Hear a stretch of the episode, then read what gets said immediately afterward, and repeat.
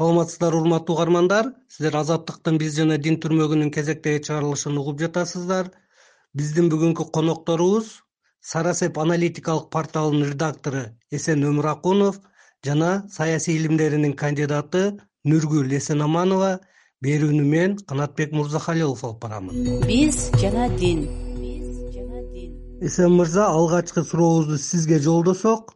Учурдагы диний кырдаалга сиз кандай баа бересиз кыргызстандагы диний абалдыга ошол абалдын уландысы катары көрүшүбүз керек. Акыркы диний абалды эң негизгиси кыргызстанда диндарлар кандайдыр. Бир өзгөчө өзүнчө бир тайпа болбой коомго аралашып э, акыркы убактарда акыркы жылдары акыркы он жылдык деп айтсак болот же болбосо беш жылдыкта коомго терең кеңири сиңгендиктен коомдогу кандай кубулуштар болуп атса диндарларда да ошондой кубулуштар болду. Албетте баягы динин активдүү карманган мусулмандар э, бешинчи төртүнчү октябрдагы шайлоого аттанышты.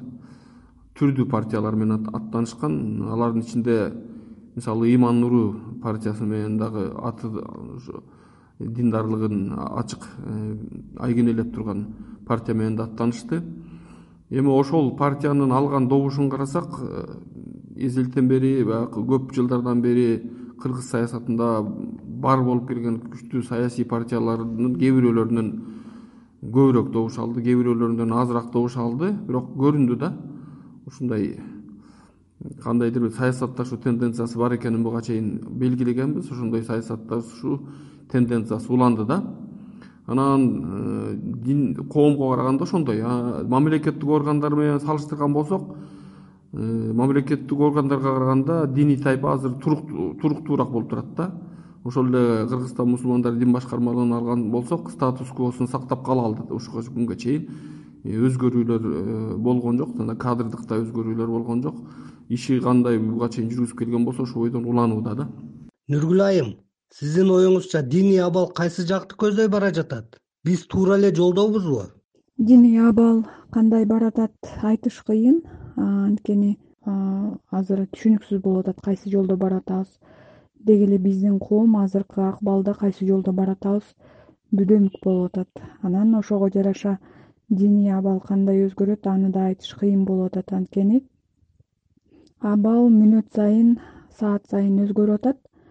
Анан бирок ушул азыркы саясий абал азыркы кыргызстандагы абал дагы көрсөттү дин баардык жерге тараганын баардык коомдук катмарда бар экенин көрсөттү ошол билинди биз жана дин. Октябрь окуяларынын натыйжасында өлкөдө бийлик алмашты.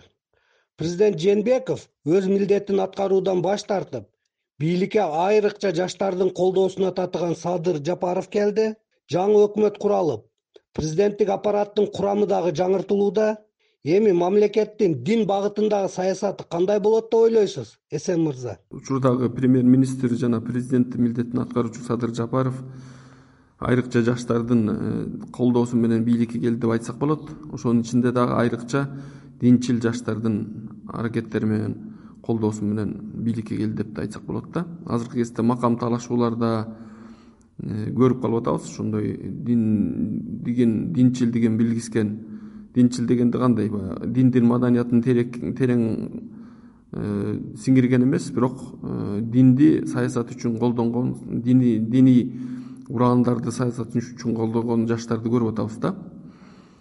Э, мамлекеттин дин багытындагы саясаты кандай болот дегенде мамлекет мамлекетте болуп жаткан окуялар бул жакта да кайталанчудай болуп турат да азыркы кезде саясий жагынан жана экономикалык жагынан таасирдүү макамдардын баарын ээлөө ошондой башталды да. Бул жерде дагы ошо кмдбнын мусулмандар муфтияттын дагы жетекчилигин алмаштыруу боюнча аракеттери жүрүп атканы байкалып атат.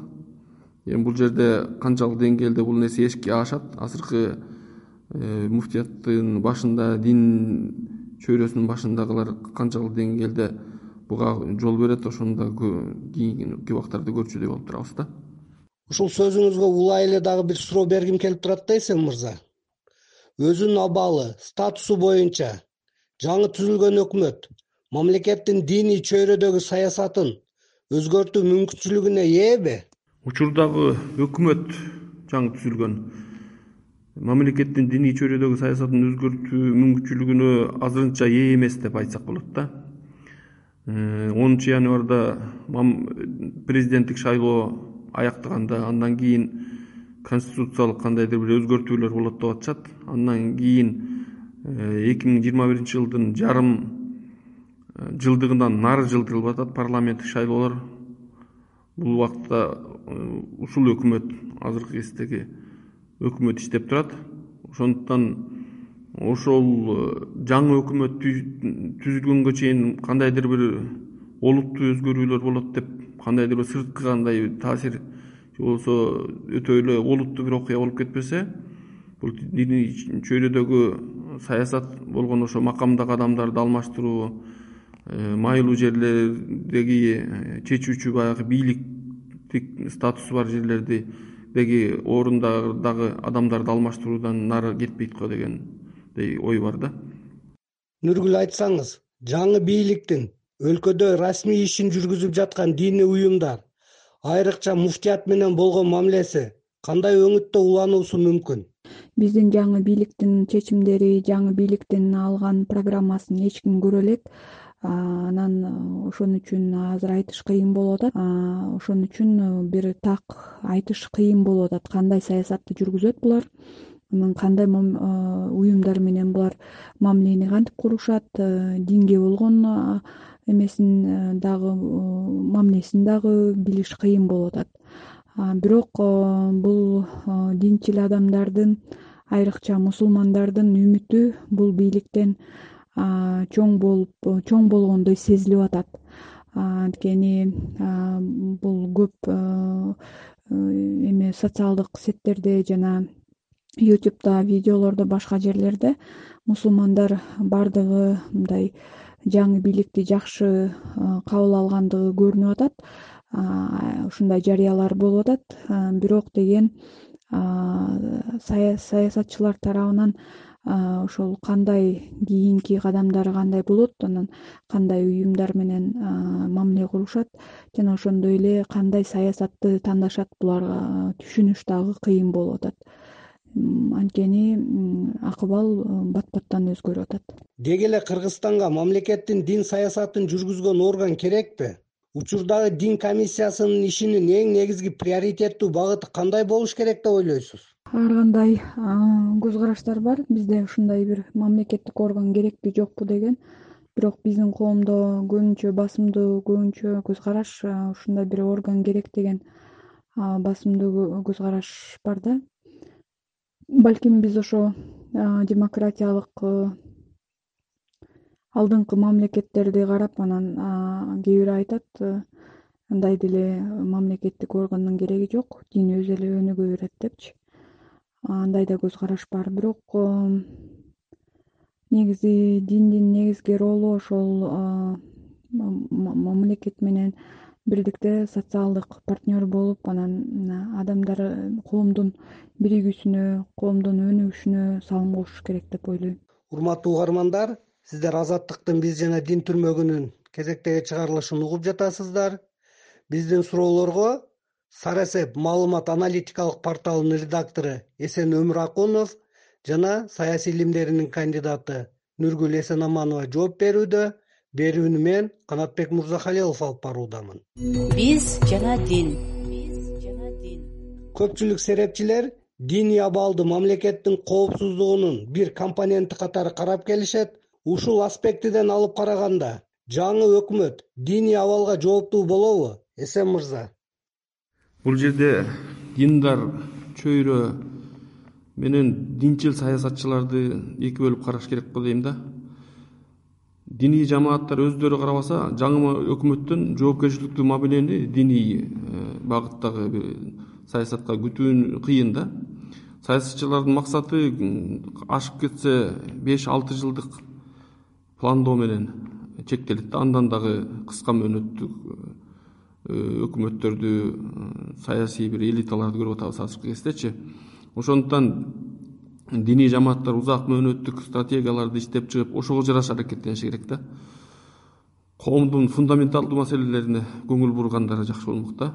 Коомдун сабатын сабаттуулугун маданиятын жогортуу жогорулатуу иштерин буга чейин чектүү жасап келишкен болсо кеңири жасаш керек кеңири тааныш керек да.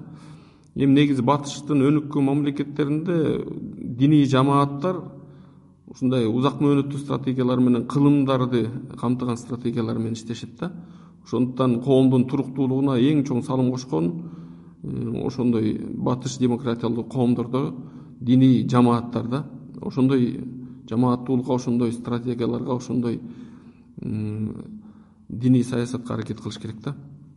Учурда кыргызстанда өз актуалдуулугун жоготпой кайра күчөп жаткан диндин саясатташуу жараянына токтоло кетсек бул маселе боюнча сиздин пикириңизди билейин дедим эле нургүл.